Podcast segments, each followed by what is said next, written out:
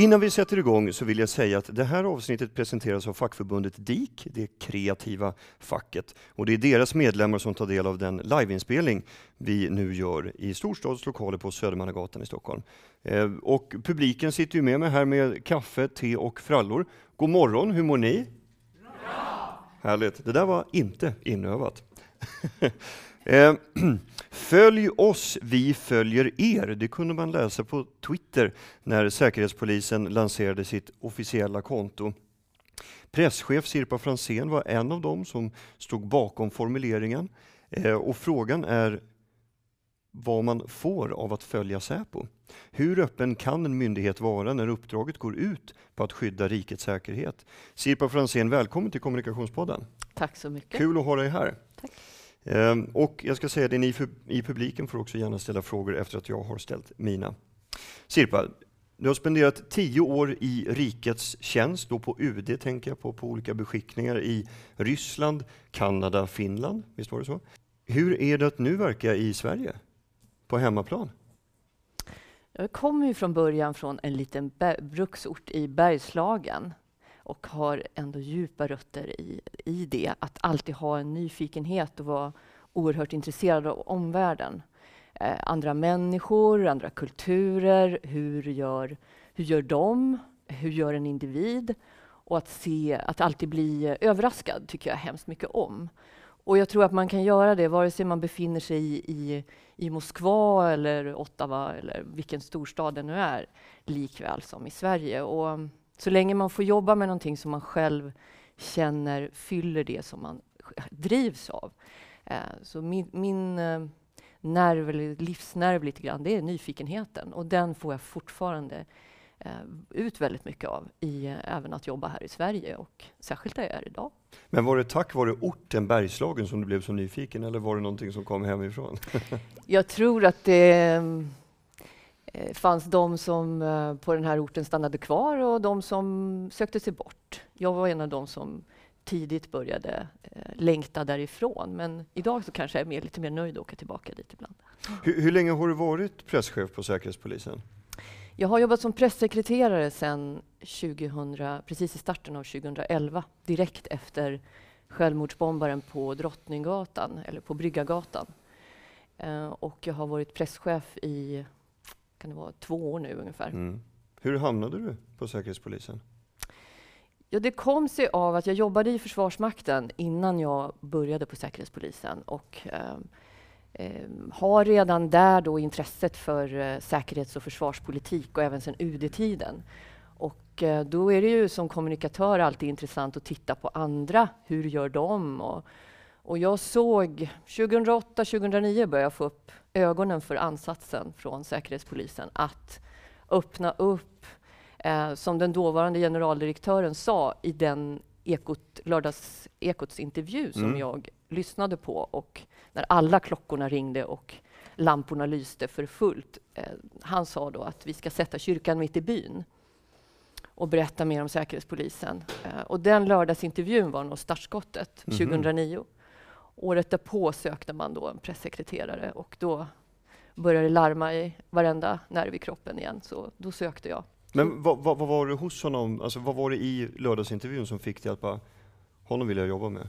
Vad var det speciellt som han sa? Ja, att ha ett sånt mod i en myndighet som är omgärdad av så många myter och så mycket misstänksamhet och som har ett sånt oerhört viktigt uppdrag som handlar om att skydda våra system, att skydda medborgarna, våra fri och rättigheter, som jag ju vet att det handlar om, och ändå eh, ständigt vara, ha ett kritiskt öga på sig. Eh, att ledaren för den myndigheten då visar ett sådant eh, kommunikativt mod att eh, verkligen blotta den här viljan att öppna sig, det tyckte jag var oerhört spännande. Det är ju väldigt viktigt att man har en ledning som har det modet, tycker jag. Som du nämnde, Försvarsmakten har varit en tidigare arbetsgivare och även UD. Du har jobbat med liknande frågor, just uh, säkerhetspolitik. Uh, varför lockar just dessa ämnen dig? För jag tänker att ett intresse för omvärlden kan ju resultera i att man blir guide på Lanzarote istället. Mm. Men, men, varför blev det just de här ämnena? Mm. Ja, det är svårt att säga vad som är bananskal och inte. Eh, men ska jag konstruera min egen historia lite efteråt så, så, tror jag nog ändå det här som jag börjar med att prata om, att vara nyfiken och eh, intresserad av både individer. Det är det bästa jag vet idag, när en människa överraskar mig totalt. Och jag, jag ser att även i den ålder jag befinner mig i nu, där jag tycker att jag har en ganska god människokännedom, att få upptäcka att det här var inte alls som jag trodde. Eh, att få upptäcka det om en grupp människor, om ett samhälle, om ett land eller eh, i stora delar i världspolitiken. Den kanske inte är så upplyftande just nu. Man, man blir överraskad på andra sätt mm. än positivt. Men um, jag tror att det drivet, det var det som fanns där från början. Och um, bruksorten igen. Lång, längre bort därifrån är ju bättre, tänker man när man är ung. ja, by all means, det är nog många som känner igen sig i den beskrivningen. Inget fel på Bergslagen ska vi säga. Men eh, de, eh, den 18 november 2015 så valde man att höja säkerhetsnivån från en trea till en fyra. Och du var den som ansvarade för presskonferensen när det här skulle kommuniceras ut till allmänheten. Hur såg de här förberedelserna ut? Mm. Och det var oerhört kort om tid den där dagen. Eh, vi hade i princip från lunchtid, strax efter lunchtid fram till klockan sex på oss att rigga presskonferensen. Eh, men också att tänka framåt. Vad händer efter presskonferensen? Eh, och då ska jag säga att det, det handlade väldigt mycket om att vi har ett litet lag som är väldigt eh, sam väl sammansatt och eh, tajt. Vi är åtta personer som jobbar med kommunikation på Säpo.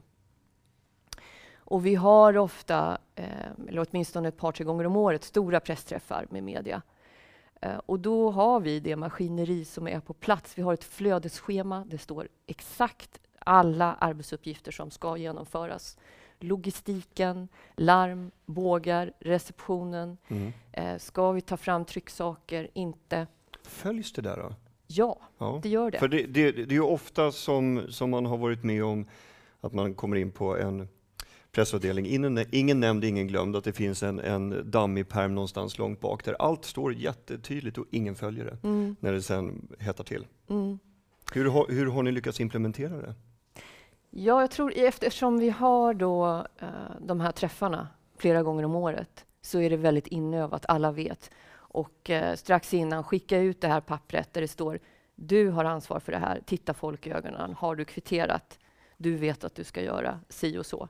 Så då har det funkat väldigt bra. Och vi, lagandan gör ju också, vi känner oss väldigt trygga med varandra. Och så tror jag också att det handlar väldigt mycket om att inte tvinga någon att göra det som de inte vill eller kanske inte passar för. Se individen. Um, så det var en del i det hela.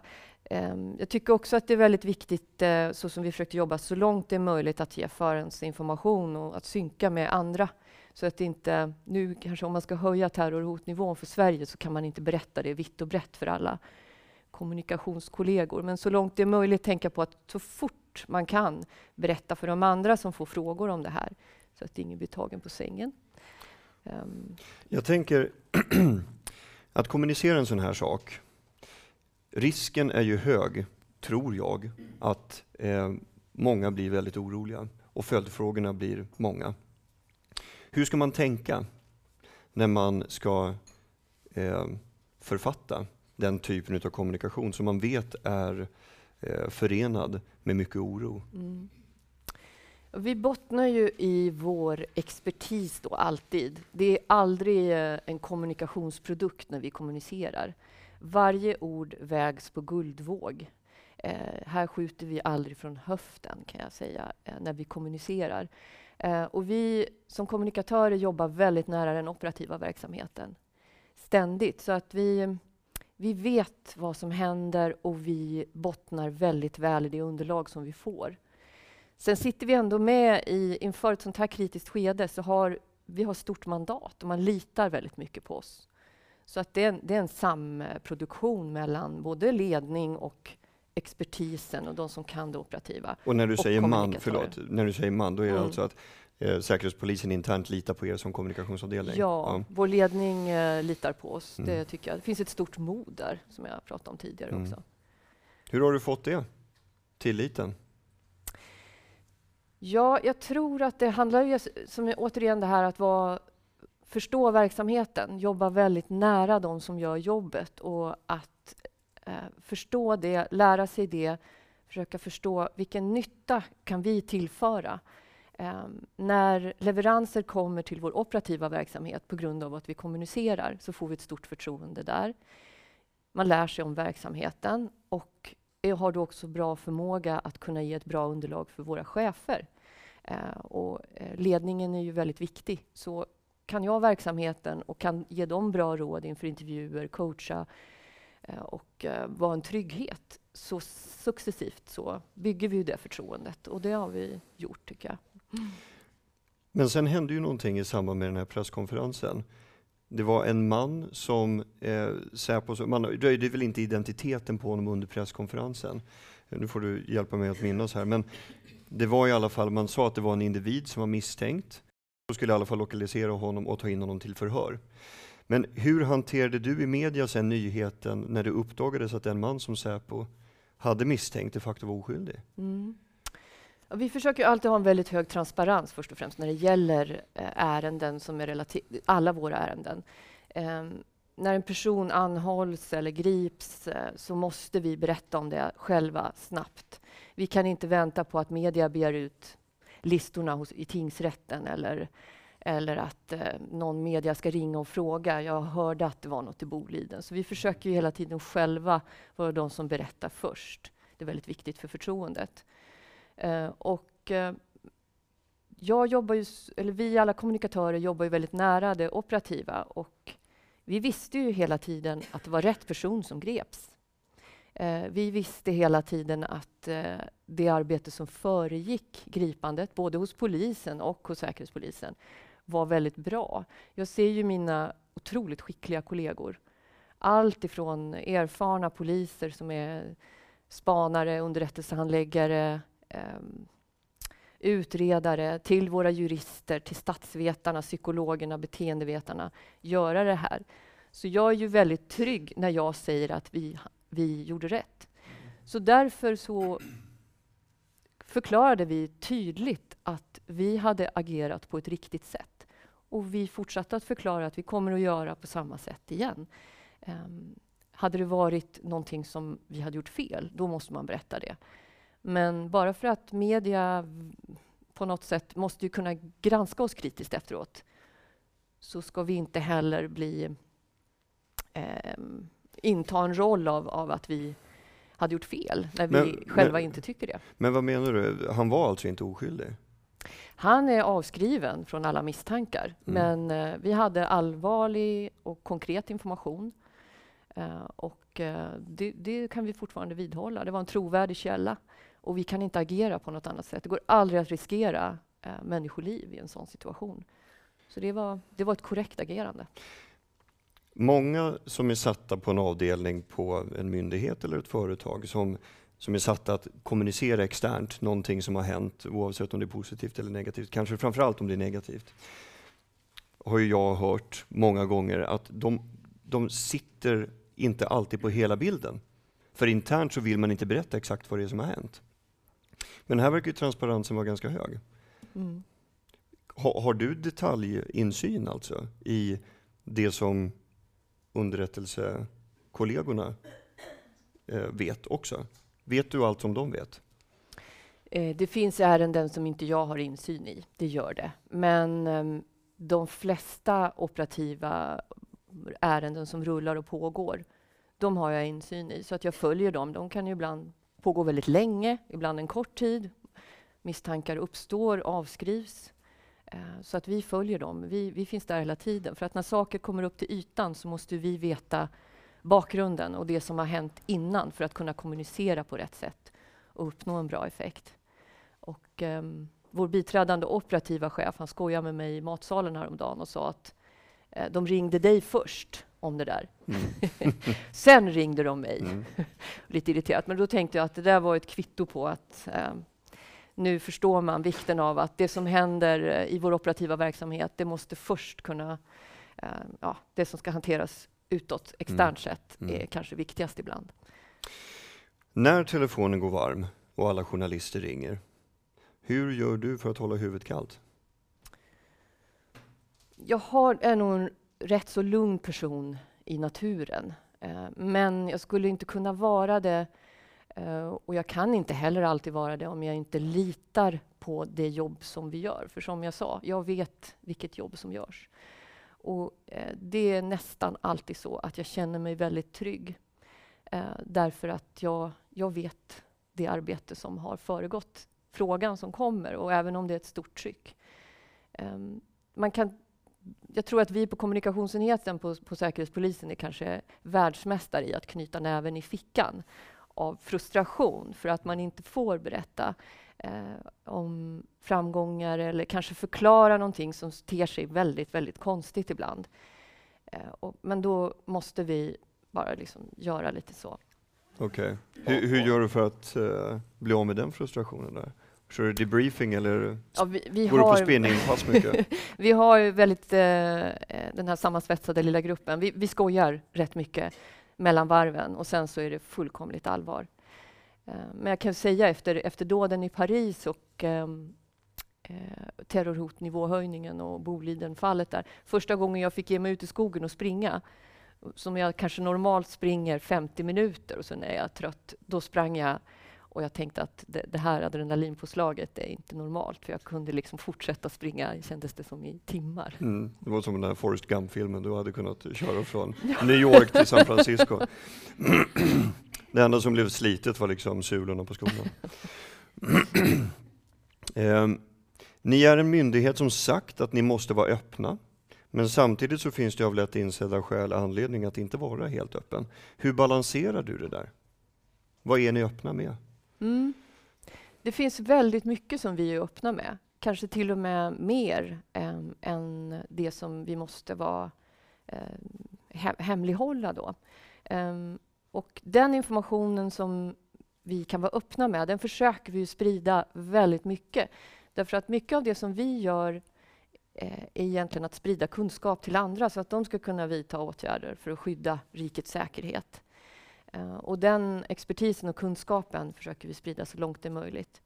I ett medialt perspektiv så kan man säga att vi försöker väldigt ofta medverka i sammanhang där vi får vara experten enligt medielogiken med bov och offer och förövare eh, och någon slags expert och analytiker som tittar på. Eh, därför att vi har ju en oerhörd kunskap att bidra med. Sen finns det saker där jag vet att här är det mur. Här är absolut kommer vi aldrig någonsin att säga någonting om. Vad är det för något? Då? Det, Nej, kan, till ex- ja, det kan vara käll, uppgifter om källor, som gammal mm. journalist vet du säkert. Mm. Så. Just det. Eh, det kan vara operativ verksamhet som pågår om det är fara för, för medarbetare till exempel. Eh, sekretess av lag. Eh, vår förmåga, hur mycket kan vi och vilka metoder använder vi? Mm. Det är också någonting som vi aldrig pratar om. Mm. Jag frågade det lite grann i i förintervjun lite grann om era metoder och sådär. Men det fick jag inte fråga om. Det är därför jag har det här bandaget. eh, precis, en fråga åt fel håll. Eh, du har sagt att det kan finnas en avsaknad av misstänksamhet i Sverige för reella hot från omvärlden. Är svenskar ett naivt folk? Eh, jag kanske inte vill säga att vi är naiva, men i Sverige så har vi varit förunnade med en väldigt, väldigt lång tid av fred.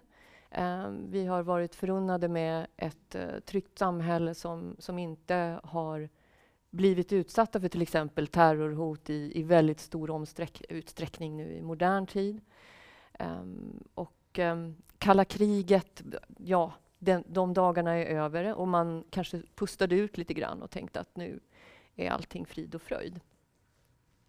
Ehm, men jag tänker lite så att det som vi ser eh, när vi utför det som är lite vår affärsidé med eh, underrättelsearbete, att vi samlar in information om misstänkt allvarlig brottslighet som kan skada Sverige. Eh, om man ständigt jobbar i, ett, i det hjulet med att samla underrättelser där allmänheten är en väldigt viktig del för att få tips och iakttagelser ehm, då får ju vi en inblick i en, i en slags parallell värld där det pågår ett ständigt kanske underrättelsehot som är lågintensivt av karaktär.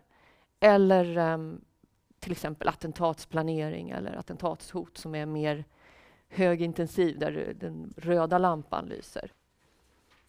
Eh, den världen, eller den, det arbetet har ju naturligtvis inte allmänheten insyn i.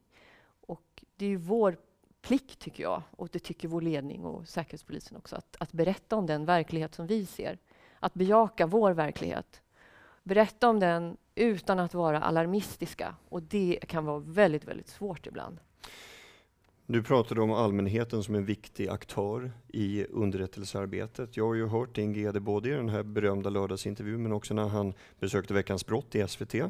Jag eh, blev intervjuad av Camilla Kvartoft och där minns jag att han nämnde någonting i stil med att eh, eh, anhöriga till de företrädesvis unga män som åker ner för att strida för Isis är viktiga i form av föräldrar, släktingar, övriga anhöriga, att komma in med underrättelser. Och den första frågan alltså till, till Säkerhetspolisen för att kunna göra en sån här typ av kartläggning och lägga pussel. Den första frågan som slog mig då, det var så här, vad gör ni för att de ska ha förtroende att kunna ringa till er? Ja, eh, alla kontakter med eh, anhöriga och, och personer som kommer med tips till oss eller oro måste vi ju behandla eh, väldigt väl och se till att de känner sig omhändertagna.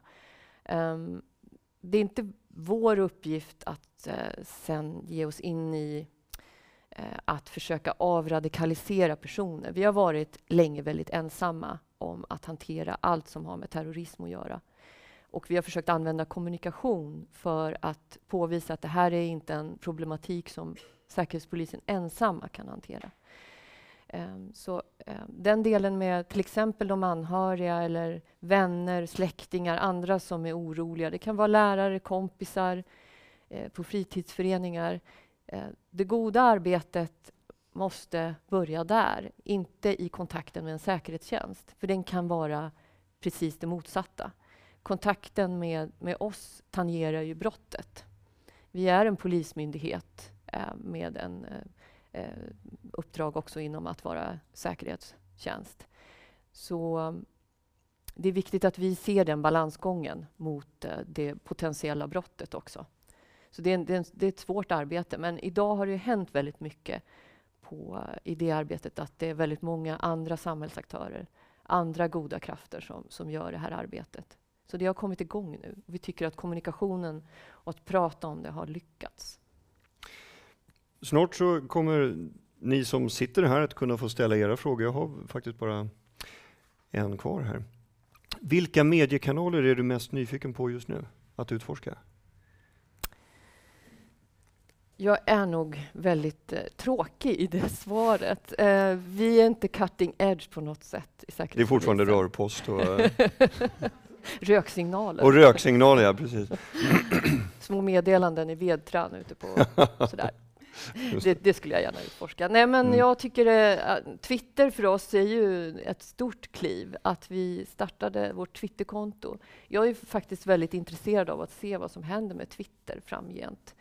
Uh, det här formatet med poddar tycker jag också är intressant som väldigt uh, stor fan av radio. Jag älskar att lyssna på radio, dokumentärer särskilt. Um, och kommunikationspodden för all Ja, jo, det är väl den jag lyssnar på. Um, Men jag undrar också ibland lite om man tänker utanför det. Vad, vad, vart är vi på väg? När vi, kan vi lämna våra skärmar och telefoner någon gång och börja prata så här istället med tanke på nyfikenheten på människor? Ehm, det vore väldigt intressant. Eh, och tänk om det skulle hända. Men Hur skulle ni hitta ett forum för det då? Var ska ni finnas med då? I ja. mötet menar jag? Hyra en monter på Trädgårdsmässan nu i april. vi brukar ju ha Säpo-joggen i Almedalen då vi träffar. Alla är välkomna att träffa oss och prata med oss till exempel. Det är väl det tillfället vi har. Det tycker jag är det allra bästa. möten mellan människor. Eh, det är ju då det uppstår det här fantastiska. Det är lite svårt att göra det med filtret skärm. Om inte annat får man under Säpo-joggan veta vilken, eh, vilken sjuhelsikes löpare du är också. just det. just det. Ja, eh, då har vi en fråga från publiken här. Varsågod. Jag heter Charlotte Norlin och jobbar på Moderna Museet. Och jag undrar, vad tycker du är svårast och vad tycker du är roligast med ditt jobb? Vi har två timmar. Mm. svårast är nog när um, jag inser att jag har fått eh, frågor ehm, eh, eller kritik eller ett, en beskrivning av vår verksamhet har uppstått som är helt felaktig. Och jag inser att jag kan inte göra någonting åt att eh, faktiskt räta upp det här, utan jag måste göra den här gesten som jag beskrev och bara okej, okay, ja, nu... Knyta näven i fickan ja, alltså? bara så, ställa mig. Och det, det är ju oerhört frustrerande. Um, men det är nog det svåraste, tycker jag nog. Och det roligaste är nog när um, jag får eh, ehm, uh, no någon ur den operativa verksamheten kommer och säger att Åh, nu har vi fått, vet du att tack vare det som vi gjorde i media, tack vare att vi sa det där, eller var med i det där programmet eller gjorde den där artikeln, så har vi fått nya tips. Så har vi fått någon annan att agera. Um, eller att det har skett någonting som, som hjälper vår operativa verksamhet. Det är det absolut bästa kvittot. En sak som jag, eh, jag har faktiskt en fråga till också. Ett stort hot som diskuteras just nu är informationskrig. Eh, att olika aktörer ägnar sig åt psykologisk krigsföring för att påverka människors värderingar och synsätt, inte minst via sociala medier, det synsättet som vi har på omvärlden. Hur kan angrepp i ett informationskrig se ut? Mm. Man kan tänka sig att det är så att i, i vår, um, vårt öppna samhälle så har vi principen att det ska vara lätt att granska myndigheter. Uh, och då tänkte jag ett exempel, för det är säkert många här som jobbar med presstjänst eller att svara på allmänhetens frågor. Um, då kan det ha inträffat någonting som gör att media granskar en myndighet. Ehm, det har skett ett misstag eller det uppfattas som ett misstag ehm, en, incident av något slag som granskas kritiskt från media. Ehm, var på, det går ett tag, det här återges i media, det får stora rubriker, man ser att det, det är en, en, stark nyhet i svensk media. Och sen får man en dag en fråga från eh, ett annat lands media som vill göra, ställa frågor om det här och vet man då med sig att det här landet och de här medierna kanske återger det här på ett lite förlöjligande sätt om Sverige. Eh, man eh, kanske vill porträttera svenskar som paranoida kring vissa händelser. Jag tänker till exempel på ubåtsincidenterna som var och, ehm, och som är som har skett mm. senast en sån. Idag, vi får väl se hur den återges.